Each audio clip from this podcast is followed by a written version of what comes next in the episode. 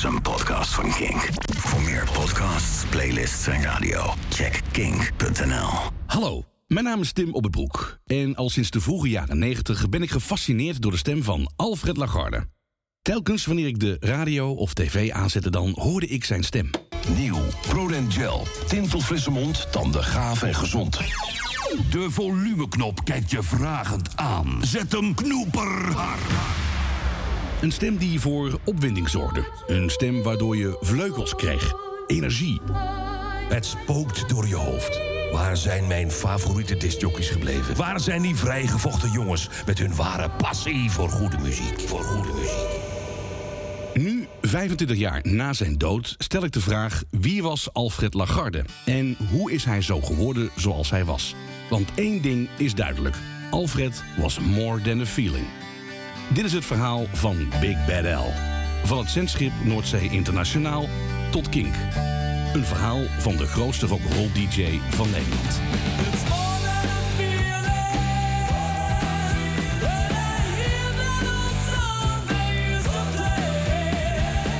Alfred Lagarde genoot grote bekendheid met zijn betonmuziek en zijn betonuur. Sterker nog, het betonuur werd uitgebreid met een extra 30 minuten en heette vanaf dat moment Beton. Maar daar kwam nog iets bij kijken. Iets wat hij begin jaren 70 volgens Leo van der Groot helemaal niet leuk vond. De drive-in shows. Maar nu, nu mocht hij gewoon echt zijn eigen muziek draaien. Voor zijn publiek. En dat beviel hem wel. En het gegeven bij hard rock blijft voor mij nog altijd de rock'n'roll. Het, eh, dat vind ik echt, eh, dat vind ik echt prima, weet je wel. Ik heb eh, op die drive-in shows die toen door het land stoven met explosies en wat er allemaal naakte vrouwen en wat er allemaal niet bij kwam. Dat echt heel erg heavy. Ook veel succes gehad met Rainbow bijvoorbeeld, weet je wel. Blackmore en consorten die maakten dus echt daar altijd overal de hel los. Als je de plaat draaide, eh, dan gewoon klaar liggen. Man on the Silver Mountain, dat was dus echt gewoon feest. En dat is ook, dat vind ik nou een pure, perfecte hard rock song.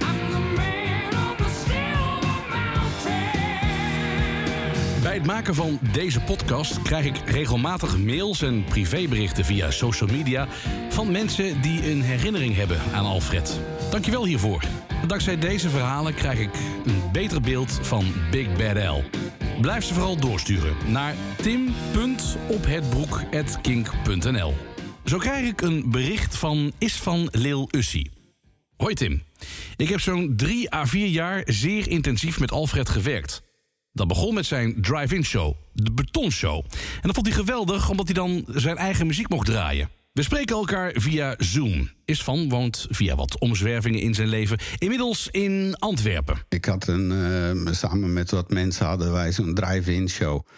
Maar een hele grote. En eh, in die tijd was het nog eh, gebruikelijk dat eh, heel veel DJ's snabbelden. Hè? Want wat je dan deed, dan, dan ging je naar een dorp en dan huurde je zaterdagavond de zaal af. En, en dan zetten wij daar de drive-in neer. En dan de eigenaar had de tap en wij hadden de inkom. En dan boekte je een DJ en dan waren de Ferry Maats en de.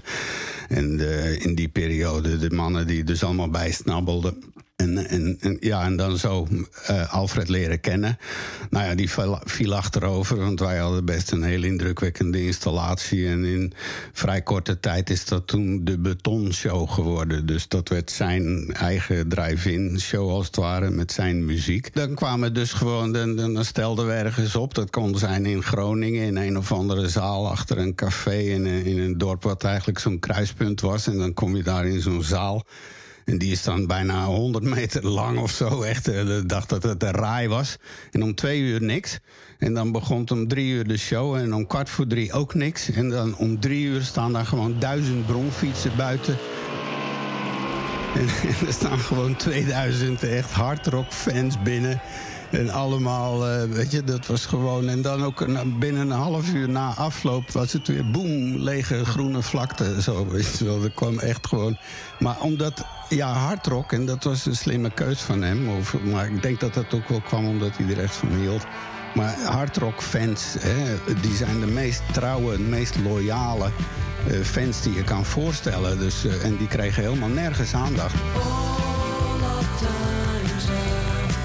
Het Het klikte goed tussen Isvan en Alfred. En Alfred zorgde er weer voor dat Isvan aan de slag kon bij De Vara. Hij kwam daar te werken als producer voor Alfreds Beton. En hij produceerde onder andere een nachtprogramma van Alfred... getiteld Groot Licht. Een show met veel gesproken woord en inbellende luisteraars. De radiowereld in Hilversum begon rond die tijd wel echt te veranderen. Het werd allemaal wat vrijer. En cocaïne werd in de jaren 80 bijzonder populair en soms zelfs gebruikt als ruilmiddel. Toen ik hem daar leerde kennen, toen was, was, ja, er was een, toch een redelijk vrije sfeer. Bijvoorbeeld Felix Meurders was ook een beetje een brani, die, die haalde dingen uit en zo, ook technisch en zo. Die was altijd... Maar je moet ook zo zien, die, die, Hilversum 3 Studio, dat was een revolutie. Want tot die tijd eh, moesten presentatoren eh, werken met een technieker aan de andere kant van het glas. En dan zo'n seintje geven en die startte de plaat in. Enzovoort. Dus de, eh, als concessie voor die mannen die allemaal van die schepen afkwamen, die bij de Tros terecht kwamen, dat waren Peter van Dam en Ferry Maat en weet ik veel. En, Lex Harding, iedereen die kwam aan land. Maar ja, die, die waren gewend om zelf hun ding te doen. Nou joh, dat eh, NOS voor dat, allemaal. Maar uiteindelijk, nou ja, vooruit dan maar.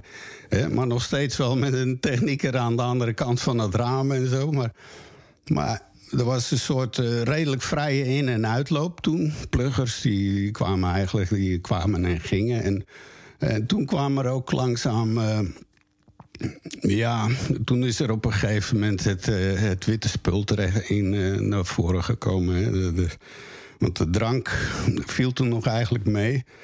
Uh, hij, hij, vond dat hij altijd ja, tevoren een paar shotjes moest hebben, want hij was verlegen. Dat was zo gezegd om zijn. Eigenlijk was hij heel verlegen en dan moest hij, ja, had hij toch wat nodig om om, over die drempel heen te komen. Althans, dat was zijn uh, zelf uh, verklaarde uitleg, zeg maar. Dus om dinsdag zag er dan uit van uh, op een gegeven moment smiddags dan eerst langs alle platenfirma's platen ophalen natuurlijk. Een beetje als voorbereiding voor de show. Maar daar, ja, daar zat ook wel eens een keer wat extra beloningen enzovoort. En, en op een gegeven moment kwamen er ook uh, zo bepaalde mensen die ja, uit bepaalde milieus, die kwamen op bezoek in uh, Hilversum en dan met name uit Rotterdam en zo. En ja, die hadden dan van alles bij en weet ik veel. En op een gegeven moment werd dat uh, ja, gekker en gekker en gekker. En je, weet hoe dat gaat. Je zit in zo'n bubbel en ja, langzamerhand neemt dat gewoon het hele leven over. Isvan probeert het leven van Lagarde bij te houden.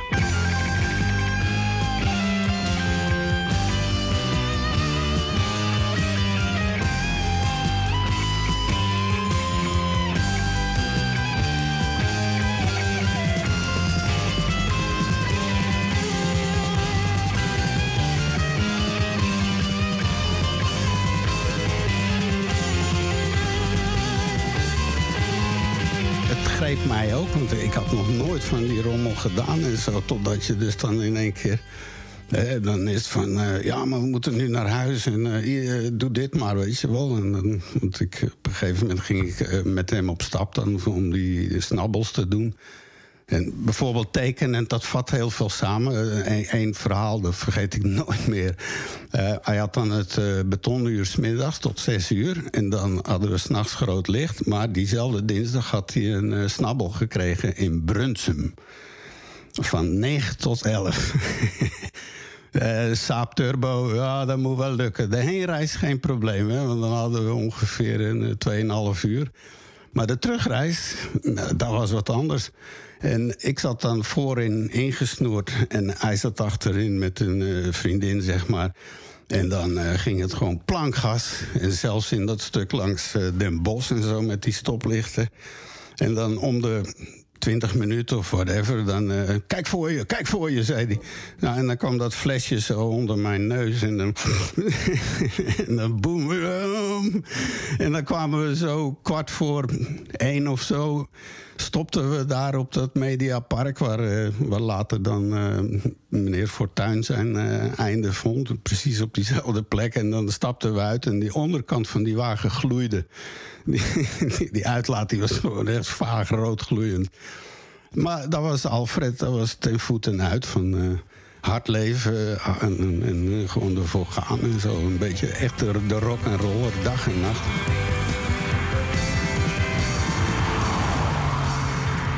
In 1982 vertrok Alfred Lagarde bij de VARA... en maakte hij vage plannen om naar Amerika te gaan. Je, je bent een paar keer in Amerika geweest. Heb je daar wat inspiratie op gedaan? Ja, joh, ik heb ook mijn hart laten liggen. Wat is er zo te gek aan Amerika? Ja, volgens jou? alles kan. En eh, als, je, als je wat wilt en je hebt wat in je poten en je wilt wat, je hebt eh, zeg maar eh, ambities en eh, kwaliteit, dan Ja. kun je daar uit de voeten. Ik denk dat het hier niet zo moeilijk, niet zo makkelijk meer gaat in, dit, eh, in on- in ons systeem. Hoe komt dat? Weet ik niet. Geen idee. Ik weet het echt niet, joh. Ik geloof dat eh, ja, Nederland is een. dat mag niet, dat kan niet en dat is verboden. En we zijn nu een gesloten land. Ja. En dat is in Amerika juist andersom. Daar is alles altijd open en daar mag alles. En ik bedoel, ja, relatief gesproken hoor. En je hebt daar als individualist meer. Meer eh, eh, nou, zeg maar, feedback en kans, kans van slagen. En. Lijkt mij, oh, ik dacht het zo hoor. Nee.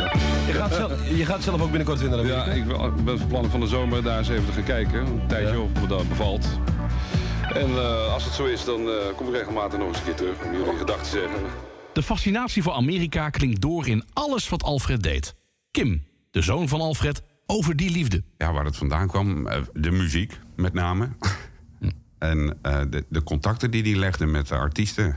En, en, en nou ja, al- toen hij eenmaal een paar keer was geweest in Amerika, Alfred was verliefd op alle, dat al- alles was groot. Er- Overal was ruimte.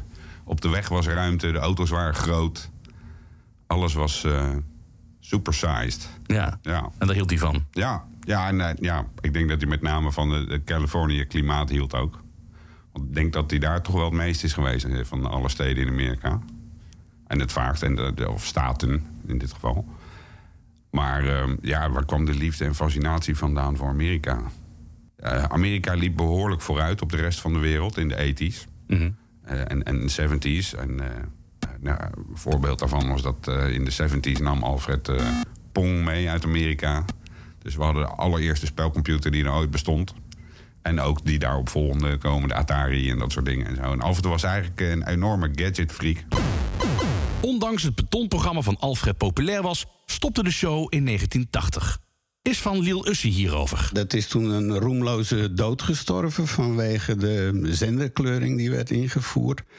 En, en toen werd het een soort magazine waarbij hij eh, samen een co-presentatie deed. En eh, nou ja, bij de voorbereiding werd er dan wel geroepen van... nou, je mag dan natuurlijk nog wel wat hardrock draaien of zo, maar... ik werd toen eh, gedelegeerd naar de soort verkeersinformatie en zo. Maar na die eerste uitzending kwam ik zo terug in de studio... en ik hoorde al van op grote afstand Alfred roepen en tekeer gaan. Want hij had dan wat eh, Ted Nugent gedraaid en dit en dat. En hij kreeg dan toch zo'n opmerking van zijn producer... van nou, nou, eh, dat is toch wel een beetje buiten wat we in gedachten hadden en zo. Dat magazineprogramma heette Popkrant met Leonie Jansen, die je in de vorige aflevering hoorde. In de laatste uitzending van Popkrant met Leonie en Alfred werd Lagarde geblinddoekt naar een afscheidsfeest geleid.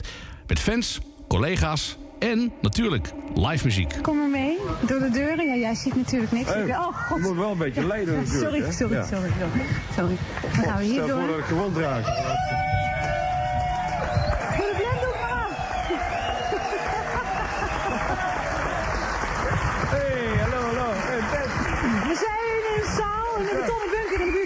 En er zijn een paar honderd gasten.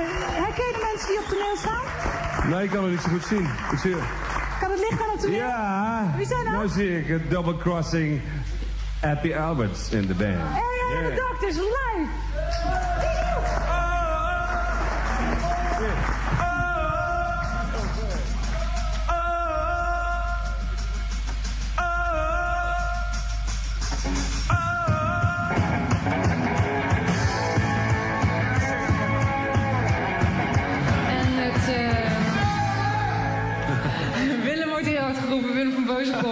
Het podium. De chef van eh onze Hilversum 3-ploeg. Die zou even een toespraak, een afscheidstoespraak tot al. Hartig woordje tot me richten. Ja. Echt een hartig woordje. Even.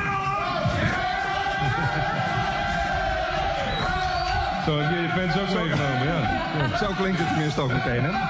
Nou, Alfred, bij alle tot nu toe gesproken afscheidswoorden horen natuurlijk ook een aantal officiële. En uh, het is mijn taak om die officiële te spreken. Het is altijd zo moeilijk. Ik wil eigenlijk naar je kijken, maar ik moet een beetje recht in de microfoon praten. Dat heb ik al jarenlang geleden geleerd. Uh, er zijn er vele gesproken de afgelopen 2,5 uur door heel veel van jouw fans die hier ook aanwezig waren. Het viel me op dat ze zo ontzettend rustig waren. Ik ben van betonfans gewend dat ze gigantisch veel lawaai maken. Joop Seunen, de adjunct-directeur van de Vara Radio, is ooit eens een keer bij jou binnengestapt toen jij weer eens een keer een pol had gewonnen van ja. Muziek Express, was het geloof ik. Laat die naam maar even laten vallen. En toen kwam die binnen en het was zo'n hels lawaai dat hij onmiddellijk op het lawaai weer de studio uitdreef. nou, zo heb ik me ook altijd betonfans voorgesteld. Ja. Ik denk dat ze op de radio best heel waardig hebben geklonken. Maar hier zijn ze zo keurig op hun stoelen blijven zitten... alsof ze beton in hun broek hadden. Maar desondanks, ik was ontzettend blij dat ze er waren. Uh, misschien is het ook wel een beetje jouw uitstraling geweest... om je nou eens een keertje levend hier te zien tijdens betonprogramma. En dat zal weinigen zijn overkomen. En ik heb toch behoorlijk wat betonplaten gedraaid. Jouw afscheid moet voornamelijk een muzikaal afscheid zijn... want je hebt bij de VARA voornamelijk uh, toch muziekprogramma's uh, gepresenteerd... en daar een ontzettend eigen karakter aan gegeven. En daarom uh, zit ik hier toch mede namens die gehele VARA... om je ontzettend veel dank te zeggen. Dank voor die ontzettend vele programma's. In het bijzonder natuurlijk Beton, maar je hebt er zoveel meer gemaakt... waarin je hebt bijgedragen aan een van de belangrijkste doelstellingen... van de VARA-programmering op Hilversum 3... namelijk een popzender te maken. Een zender te maken waar jongeren zich thuis voelden... waar gewoon werd gepraat, waar gewoon werd gedaan. Het zijn allemaal dingen die jij voortdurend in interne vergaderingen hebt uitgedragen... en waarvan luisteraars de afgelopen jaren verschrikkelijk veel van hebben kunnen merken. En ik kan je zeggen, namens alle collega's uh, die met jou aan die zender hebben gewerkt... op dat punt zullen we jouw aanwezigheid ontzettend gaan missen. Ik weet namelijk dat je één grote droom hebt. En ik heb in al die jaren dat ik met jou gewerkt heb... en dat we jou in onze omgeving hebben gezien... die droom altijd van je gehoord, dat naar Amerika gaan. Ik hoop van harte dat die droom werkelijkheid gaat worden. Dus eigenlijk hoop ik dat je opsodemiet het uit dit land... en dat je een ontzettend goede toekomst tegemoet gaat. En nu dit openpakt. En met deze woorden, en toch nog een beetje de der richting de hardrock-liefhebber... werd er afscheid genomen van Lagarde bij de VARA. Tot slot, Alfred, willen wij uh, afscheid van je nemen met een lied, met muziek. Het is gemaakt door uh, Adriaan Lecomte, je regisseur van het afgelopen jaar. En het wordt uh, gespeeld door Appie Alberts en gezongen met de hele zaal. Ons afscheid. Alfred, bedankt. Dank je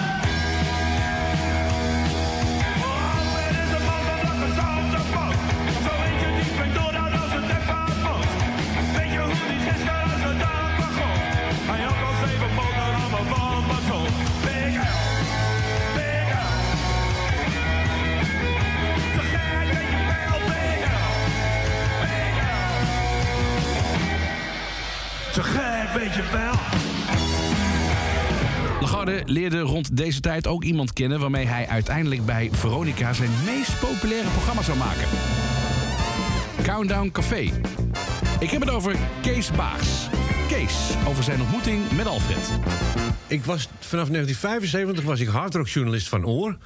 En uh, om die reden kwam ik heel vaak bij uh, hardrockconcerten. En toen uh, had ik Alfred leren kennen, want die, die was een hardrock-fan. En uh, ja, die was natuurlijk wel bekend. Dus uh, op een gegeven moment leerde ik Alfred kennen. En toen begon hij het betonuur. Mm-hmm. En uh, dat heb ik eigenlijk vanaf het begin zeer regelmatig beluisterd. Omdat ik heel erg benieuwd was wat iemand die van hardrock hield zou draaien op de radio. Want omdat je natuurlijk toch een soort mix moet maken tussen, laten we zeggen, wat commercieel is en wat veel luisteraars leuk vinden. En dat je graag nieuwe dingen wil laten horen aan mensen die de muziek die ze nog niet kennen. Op een gegeven moment was ik bij een concert in de Stokvishal in Arnhem. Dat was toen een hele populaire zaal. En ik weet niet meer welk concert het was. Ik denk dat het was Saga, die Canadese band. Die ook een tijdje uh, behoorlijk populair was. En toen Alfred, die duidde daar platen. Dus zij zeg maar vooraf en uh, tussen, de, tussen de voorprogramma en het hoofdprogramma. En ik weet nog wel dat, ik, dat, dat op een gegeven moment heb ik het voorprogramma gezien. En ik was daar met een paar vrienden. En wij stonden daar in die zaal afwachtende wat er ging gebeuren. En Alfred ging dus draaien. Maar dat gebeurde dus echt niet meteen, zeg maar, na dat, dat voorprogramma. En toen begon die hele zaal, het was misschien wel duizend man, die begonnen... Alfred, Alfred, Alfred. Maar, moet je je voorstellen, duizend man of zo, of misschien wel 2000. Ik weet niet hoe groot die zaal was. En dat maakte op mij heel erg veel indruk. Dat ik dacht van, zo hé, die gozer die is populair.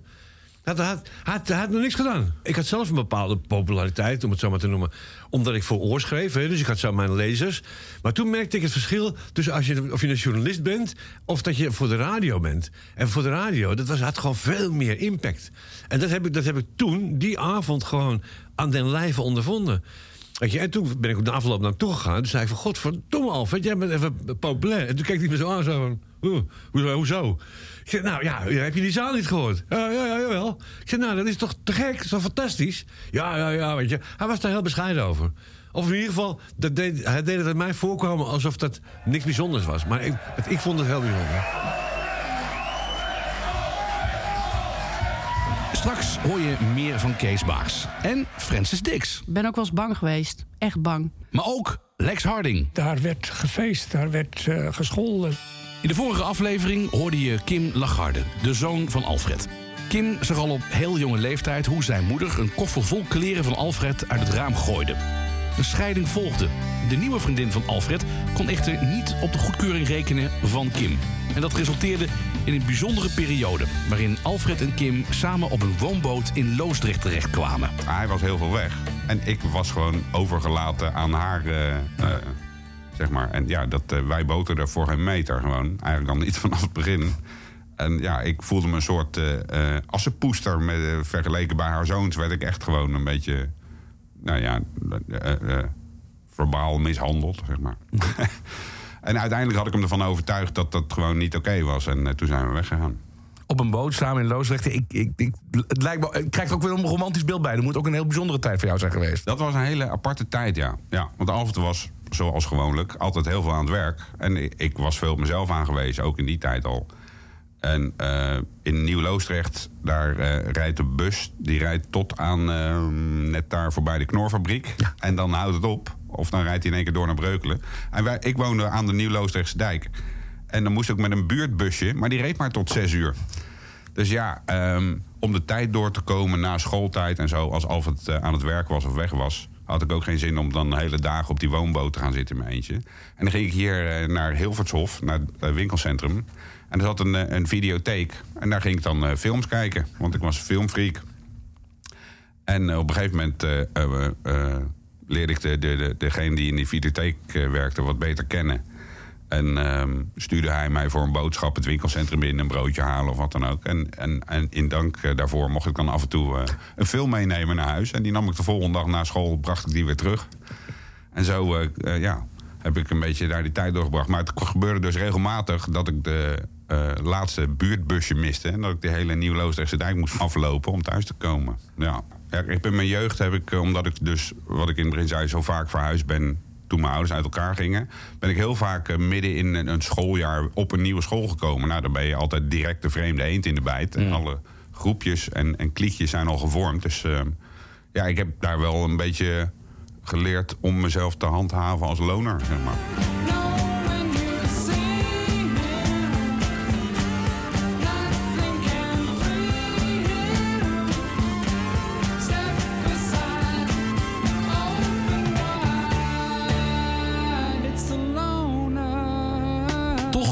Periode op die boot heel belangrijk geweest voor de band tussen Kim en Alfred. Zeker ook op muzikaal vlak. Nou, dat was rond de tijd inderdaad dat ik eh, 12, 13, 14 was. En eh, eh, hij net, eh, ik hem ervan over, had overtuigd dat zijn vriendin niet helemaal oké was. En hij toen weg is gegaan bij haar. En we zaten toen samen op een woonboot in Nieuw-Loosdrecht. En eh, toen zijn we veel op pad geweest samen. En hebben we de albums die toen uitkwamen, hebben we helemaal grijs gedraaid. En daar hebben we echt eh, van genoten, ja. Eh, ik bedoel, eh, No Looking Back van Michael McDonald. Fahrenheit van Toto. Ja, die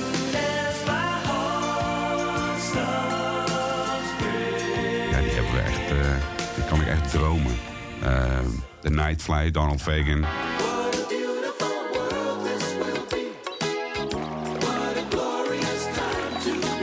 Hoewel Alfred eigenlijk voor een wat langere tijd naar Amerika wilde, stapt hij toch over naar Veronica. De man die destijds alle DJ's aannam was Lex Harding. Na het verdwijnen van het schip Radio Veronica in september 1974 werd Harding radiodirecteur van de publieke omroep Veronica. En hij was medeverantwoordelijk voor de succesvolle Volle Vrijdag van Veronica op Radio 3. Tot 12 uur vannacht is dit een volle vrijdag lang.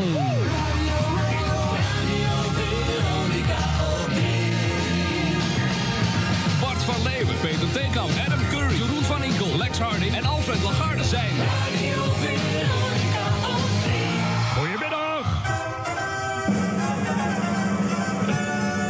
verrassende volle Veronica Vrijdag lijkt wel het enige dat nooit verandert. De Nederlandse top 40. De 40 populairste platen van Nederland, samengesteld door de Stichting Nederlandse Top 40 in samenwerking met de Grammofoonplaten Detailhandel en Industrie. Met vanmiddag een mini-mix van Colonel Abrams. Tweemaal de nieuwe Radio Rebus, om kwart voor vier en om kwart voor vijf. En om kwart voor zes de uitslag van de Rebus van vorige week. Die wordt gegeven door Frans van Dijk uit Lochem. Half vijf hebben we het Popjournaal. En natuurlijk ook in de top 40 de Roepie Roepie Vogel. En dan is er... Nieuw, de hamvraag. En die wordt vandaag gesteld door Marian Wijsbeek uit Bussum... aan Jim Kerr van de Simple Minds. En ook nieuw, nieuw, nieuw is de lokale top 10. En die hoor je om kwart voor vijf en die komt vandaag uit Bergen op Zoom. De top 40, 21ste jaargang nummer 49... met straks een nieuwe op nummer 1 en in totaal zes nieuwe binnenkomen. Natuurlijk wil ik Lex Harding voor deze podcast spreken. Ik krijg deze mail van hem terug. Beste Tim. Ja, ik dacht eerst, hij komt maar naar mij toe. Maar toen ik het adres zag, dacht ik, daar ben ik eigenlijk nooit meer terug geweest. Jullie zitten namelijk in het oude Veronica-pand. Bedacht door Rob Oud, oude Veronica-directeur. En waar ik toch heel wat jaren geschiedenis heb liggen. En daar was het ook dat ik met Alfred heb gewerkt. Dus ja, ik kom naar jou toe. Prik maar een datum en dan hoor je van mij wel of dat uitkomt. Wanneer Lex binnenkomt, valt het hem op dat het erg veranderd is op Lapersveld. Wat er hier allemaal gebeurde. Ehm, dit was de droom van Rob Oud, dit pand. Die wilde graag een, eh, een mooi nieuw gebouw. Ik ben altijd van de oude gebouwen geweest, vond ik altijd sfeervoller. Ehm, dat pand werd neergezet. Hij had zijn, eh, zijn ivoren toren gecreëerd met een, eh, een, vloer als een schip. Een houten vloer met rubber ertussen. Ehm, en voor de rest gebeurde er in, dit pand van alles. Maar vooral, het was een bron van creativiteit. Ehm, iedereen liep bij elkaar naar binnen. Die kantine die ik net heb aangewezen hier in het pand... Die, ja, dat was een ontmoetingsplaats. En daar werd gefeest, daar werd eh, gescholden, daar werd eh, vriendschappen gesloten. Maar er werden vooral ideeën gespuit. Dit was de bron van creativiteit. En hoe ben je bij Alfred terechtgekomen? Hij zat bij de VARA en eigenlijk heb ik hem daardoor eh, in beeld gekregen. En ja, hij had eh, zeewater in zijn bloed, dus dan heb je altijd een streepje voor natuurlijk bij, eh, bij mij en bij Veronica in het algemeen. En ja, het, is een, het was een zeer talentvolle jongen, dus die, die wilden we er graag bij hebben. Ik weet niet of hij bij de VARA nou eh, eruit gezet werd of... Nou, in ieder geval, ik kan me zo voorstellen dat Alfred, die is een moeilijk mens om mee te werken, dat, hij, dat dat ook wel een beetje onder druk stond. Maar het kan ook zijn dat hij, ja, gewoon omdat hij heel goed was, dat we hem weggehaald hebben. Maar ik denk dat hij meer is aankomen waaien, omdat hij heeft niet echt een, een eigen programma gekregen. Nee. Dat gaat ook niet bij Alfred. Bij Alfred zat er geen regelmaat in, dus die kon je niet iedere dag om, eh, om twee uur verwachten in, in de studio. En daarom deed hij ook Countdown Café deed hij altijd samen met iemand anders. Dat als die er niet was, dan kon die ander hem overnemen. Alfred was wat dat betreft eh, eh, een gouden gozer, een ontzettende vakman.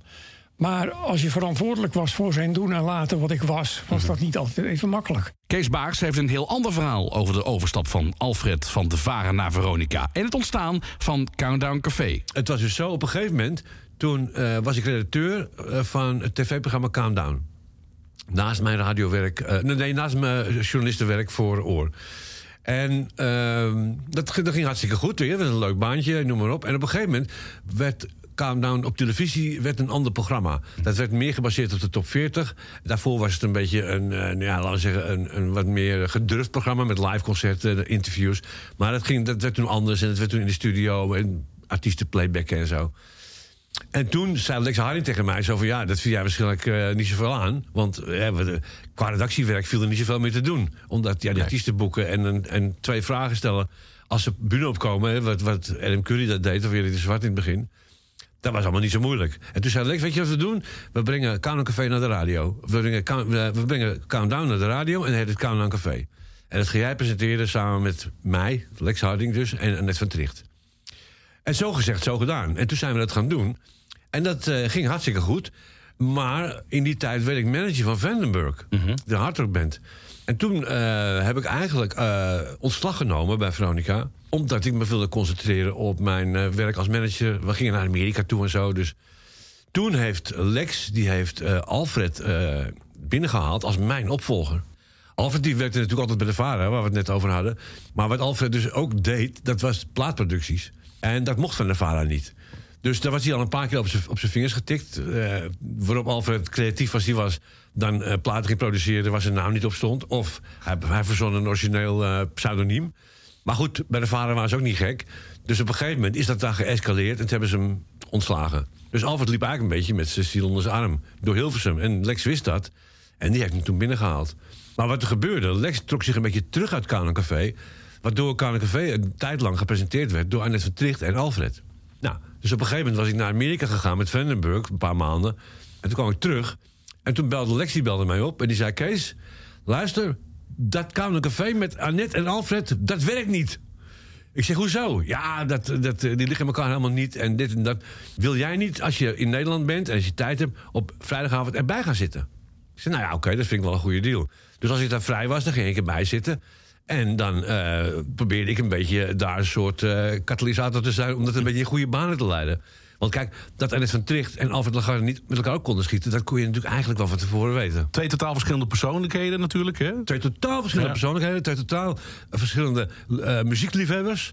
Eh Annette, eh, ja, toch heel serieus. En eh, ik bedoel, daar wil ik niks kwaads over zeggen. Maar die hield van heel andere muziek. En Alfred toch een beetje, eh, ja, laten we zeggen, het ongeleide projectiel. Waar Annette helemaal niet tegen kon.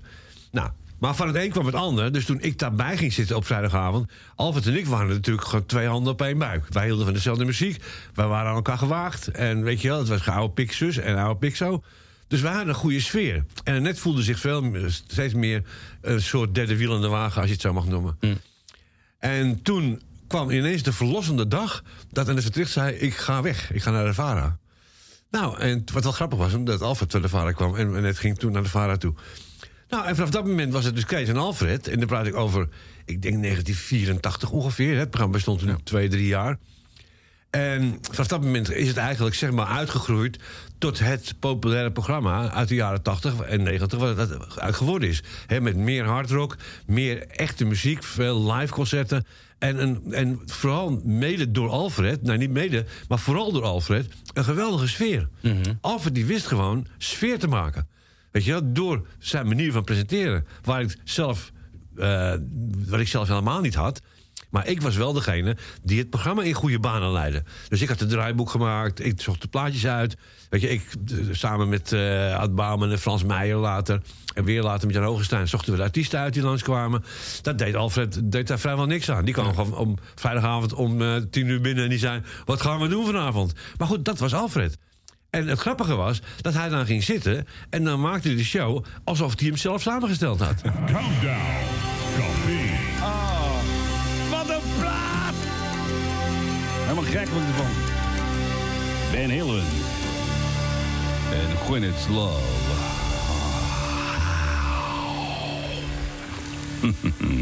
Zes voor half elf, Café tot 12 uur. We gaan over naar ehm, een andere ruimte hier in het muziekpaviljoen. Naar Kees Baars, Hans van der Heuvel, Ad Bouwman... en een aantal kandidaten voor Countdown Café Pop Quiz. Ja, hallo, test. Kom ik door? Absoluut, Igor. Heel goed. Wij gaan nu even flink zitten rekenen... en dan zullen we zien wie deze quiz gewonnen heeft. Haha. Wat kan ik zeggen? Wat kunnen we zeggen? Er valt niks van te zeggen. Ah, hallo, er vallen wat microfoons om, geloof ik. Café Popquiz deel 1 is geweest. Hier is Baas Kijkt.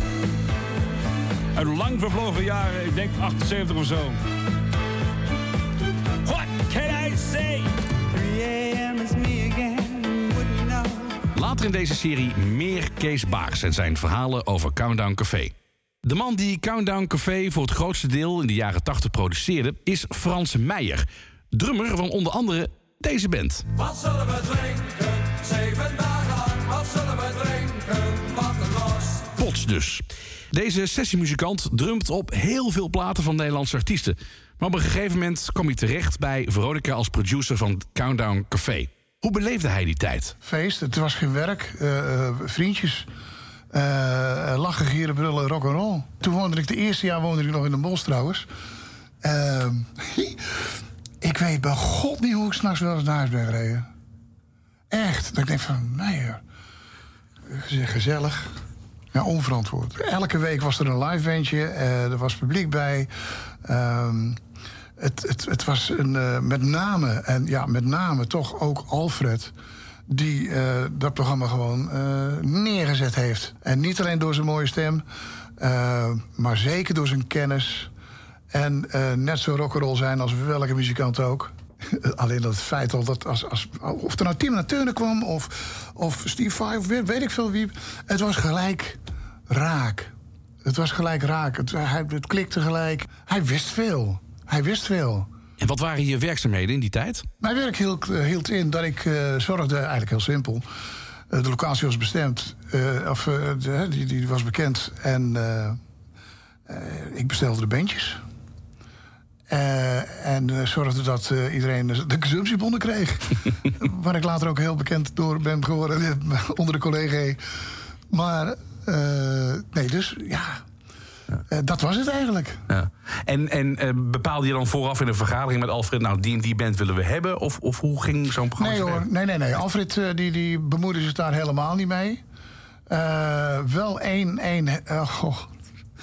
We zaten in Bos en Duin. Eh, hij bemoeide zich nooit eh, met bandjes of wat dan ook. En, eh, dus eh, op een gegeven moment word ik gebeld. De- woensdags voor, de, voor de uitzending. Hé Meijer, Tower of Power is in land. Is in het land. Die moeten we hebben. Ja een platenmaatschappij. Eh, ik zei, oké. Nou, en terugdenkend daaraan. En hè, ik als muzikant.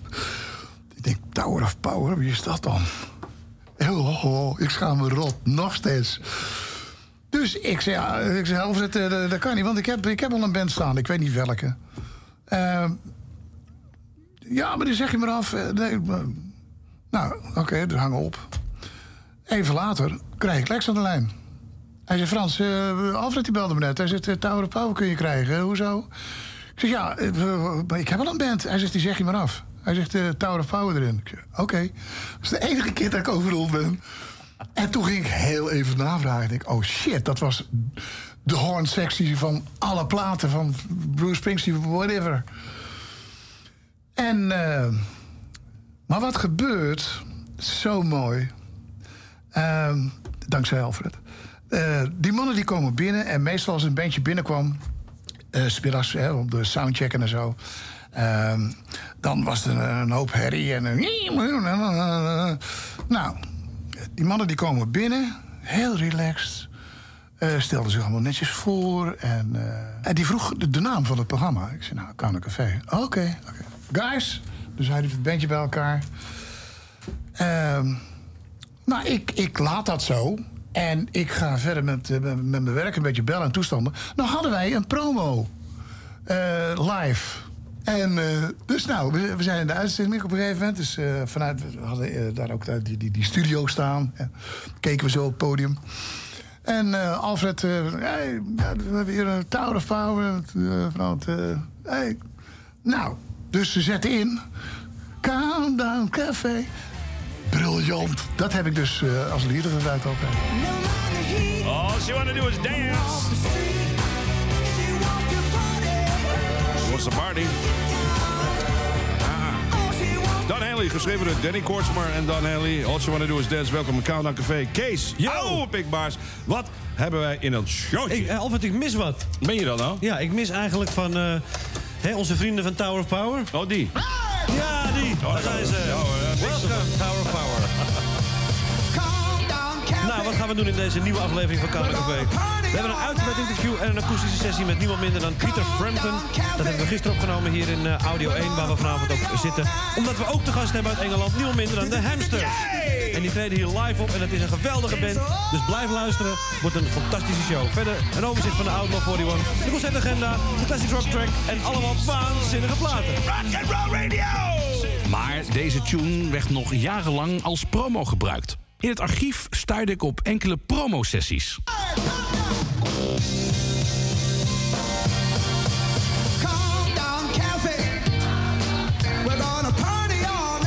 Countdown Café opent de Veronica zaterdag op Radio 3. Vannacht om 12 uur rechtstreeks vanuit de Gelderse muziektempel Luxor in Arnhem. Met als prominente livegasten Jan Akkerman en zijn band, BB Queen en de Nozems. Natuurlijk uit hun monden ook de laatste wetenswaardigheden. Verder, dat is ook niet mis, de primeur van het nieuwe livealbum van Dire Straits.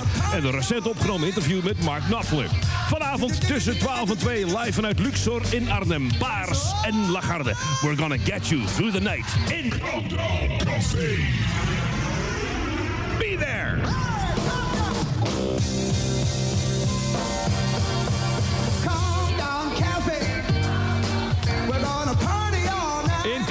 Café vanavond Henk Westbroek in het diepe. Een interview met en muziek van de nieuwe vaderlandse sensatie Storm. Verder de uitslag van de Rustprijsvraag en natuurlijk de linker jongens. Baars en Lagarde naast Staverman en Van Enkel. Live vanuit Media Café Wall Street in Hilversum. Be there!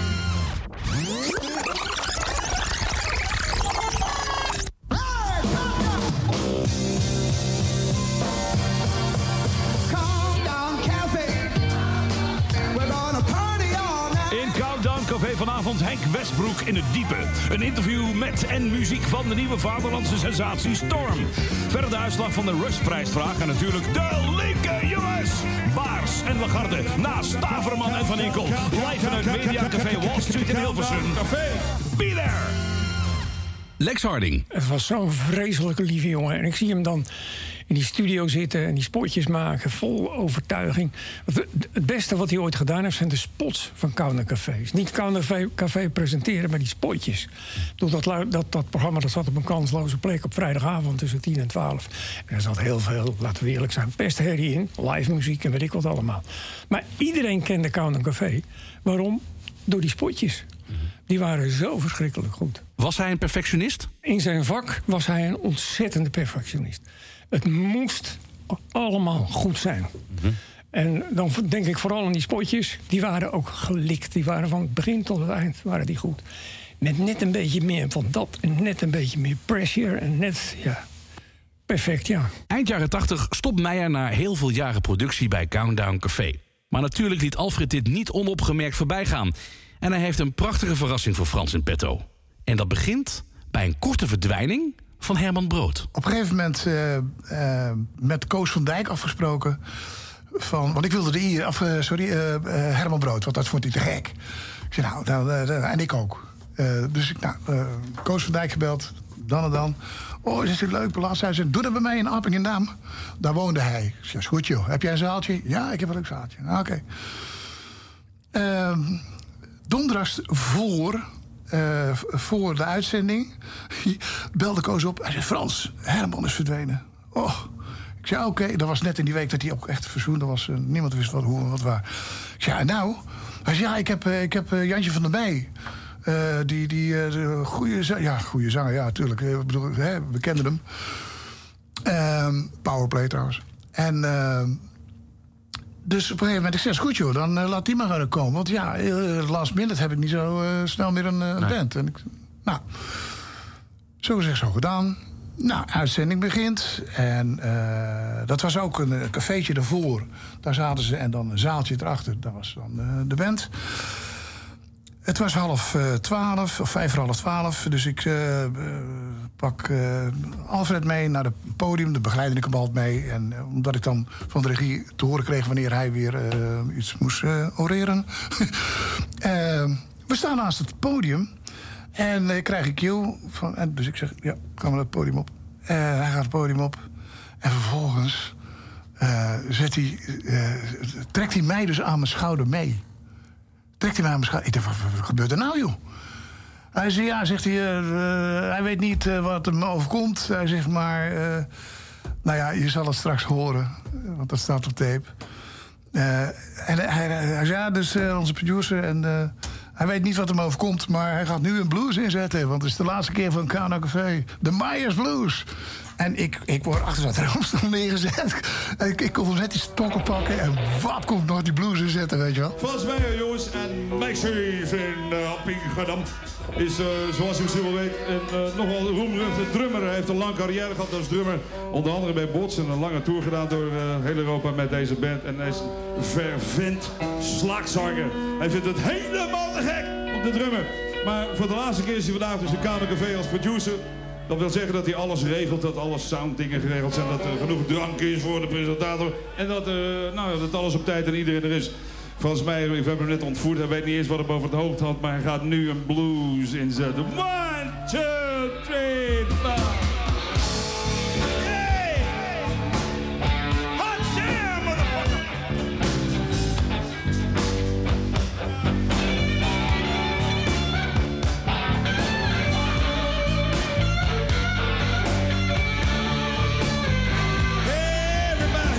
This is Countdown Cafe in the north of Holland.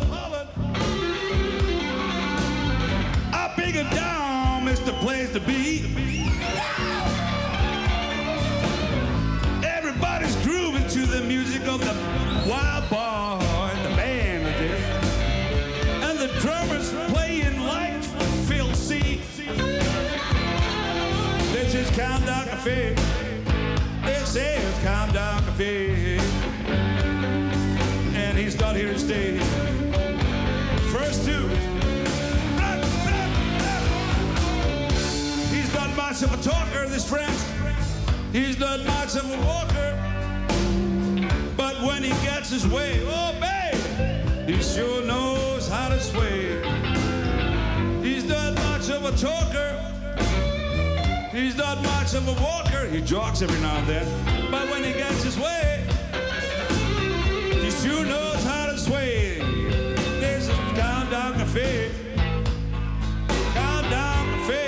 From Epingham Solo.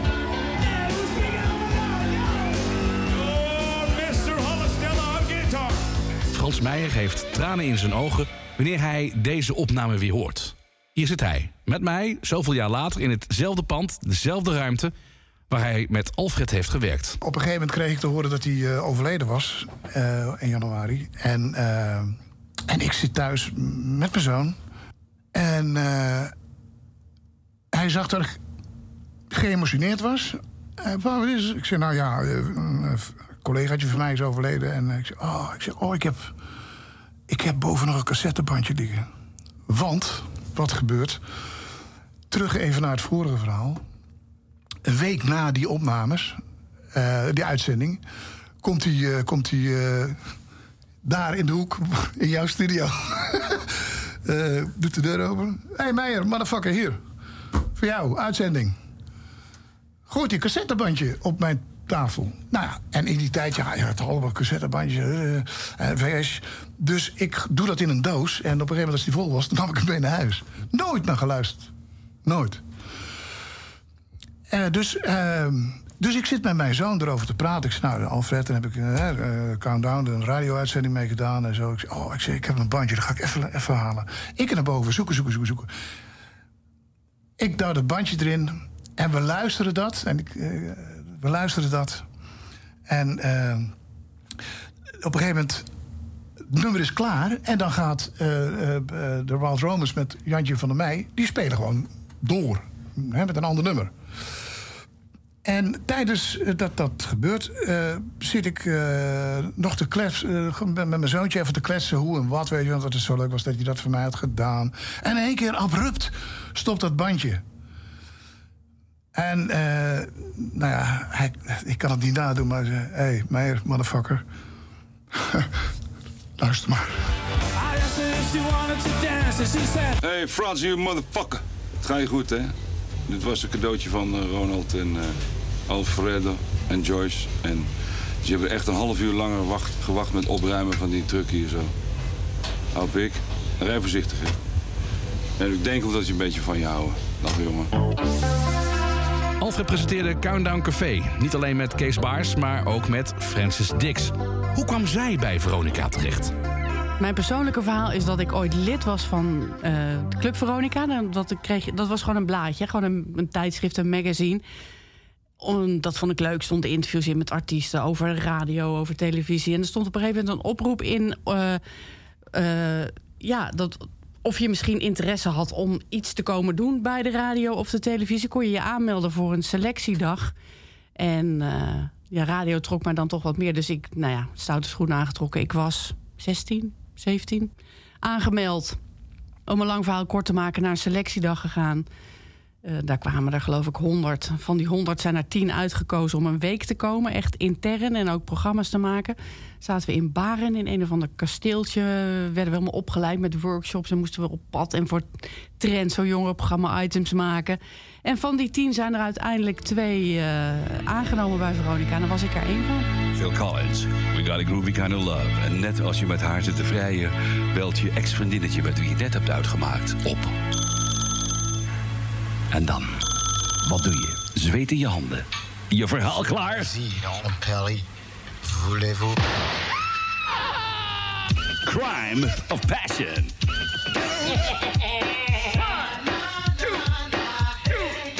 Voulez-vous venir?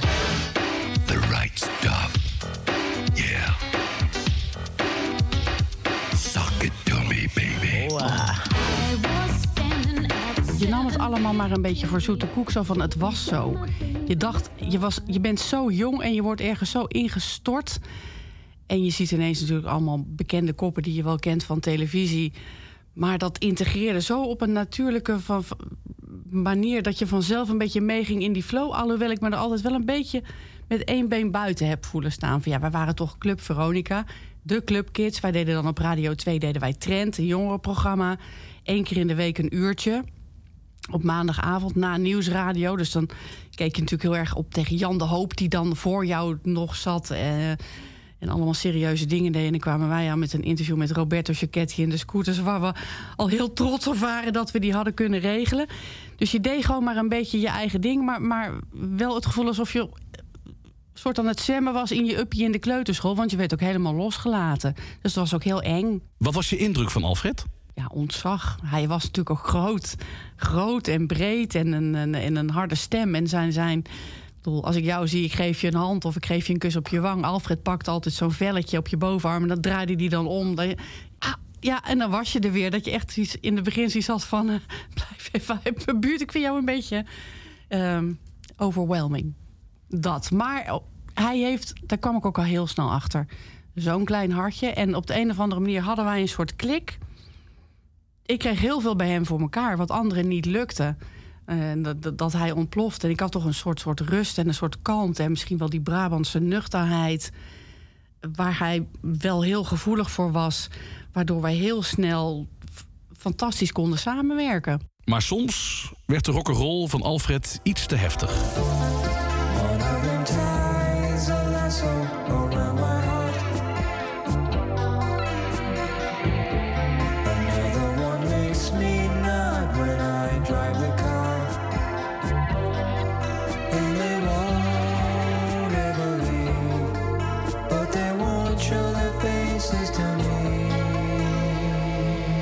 Bang geweest. Echt bang. Hij had altijd in. eh, ja, dit klinkt allemaal zo. Ik wil niet alleen maar negatief zijn, maar het was ook de tijdgeest. Weet je, het gebeurde ook toen op die manier. Hij had een, altijd een fles wodka in de auto liggen. En ik kan me één keer herinneren dat wij eh, een concert van de Golden Earring gingen opnemen in Jouren in Friesland. En ik ging daar met hem naartoe. Samen met eh, Hester, zijn toenmalige vriendin. En Sandra, Sandra Hey, de vrouw van Barry Hay, de zanger van de Earring, met z'n vieren. En Alfred had een grote saap. En die had vooronder op die saap had hij van die, van die illegale flitslichten laten monteren. Alsof die politie was. Want we konden iedereen inhalen. Hè. Dan deed ik... Nou, oké, tot- daar en toe. Maar dan met 200 km per uur. Met die snelle saap. Over de afsluitdijk. Emmer seinen, emmer inhalen, emmer gas geven. En vervolgens die flat vodka een aantal keren aan zijn mond zitten. En je kijkt naar rechts en je ziet alleen maar water. En Ja, toen verkrampte ik wel even. En dan kijkt hij om. Zijn jullie bang? Zijn jullie bang? En wij, nee, nee hoor, gaat prima. Maar ondertussen zit je hart echt, echt in je keel.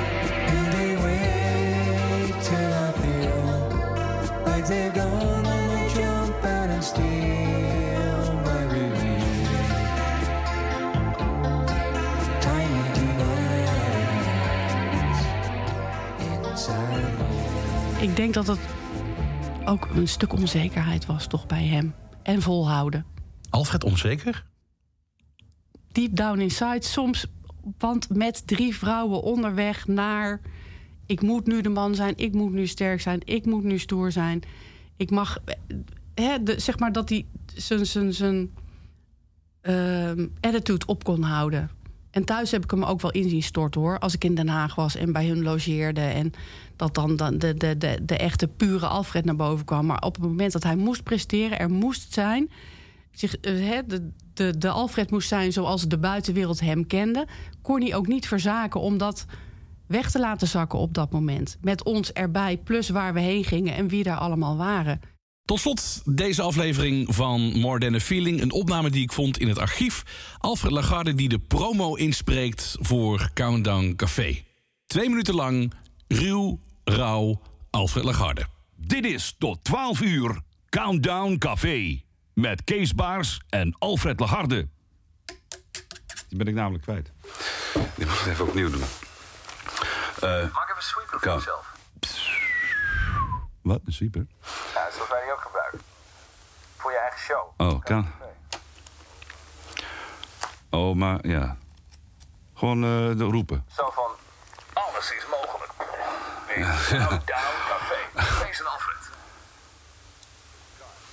Alles is The sky is the limit. Eh, hoe heet het ook? Alles is mogelijk. Eh, Je kunt van alles verwachten in Countdown Café. Met Kees Baars en Alfred Lagarde.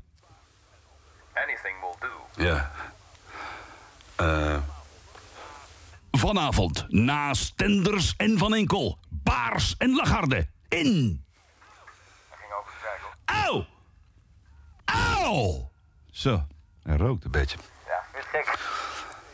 In Countdown Café is alles mogelijk. Nou, ik, ik moet een paar verzinnen. Maar die, had- die had ik even nodig. Het slotstuk van de vrijdag. Het sluit een hangwerk. Op, op, wat dacht je van deze? Op weg naar middernacht. Met Kees en. Oh ja, de vrijdagfinale. Dat is ook mooi. De finale. De wat dacht je van... countdown. Wat dacht je van... Jongens, bedankt voor het voorprogramma. Countdown Café. Ja, ja. Hey boys, bedankt voor het voorprogramma. En dan nu, Countdown Café. Wat was de finale van de vrijdag? Ja, die doen we gewoon live. Dat is veel leuker. Eh, De grandioze finale van jouw Veronica Vrijdag. nou, dag. Everybody, it's a wrap. In de volgende aflevering van More Than a Feeling, Jeroen van Inkel. En toen, eh, toen kwam hij overvliegen met een eh, vliegtuigje. Echt zo... Adam Curry. En je kruipt een beetje in de microfoon en je, je gaat een beetje laten dat lage eruit komen. hè. En eh, je kan bijna gewoon... eh, bij- Jan van Veen, maar dan geil. En Alfred in Berlijn. Ja, ik, ik eh, sta hier nog bij, bij Russische soldaten die Coca-Cola drinken. Is dat uh, Amerikanische cola of Russische?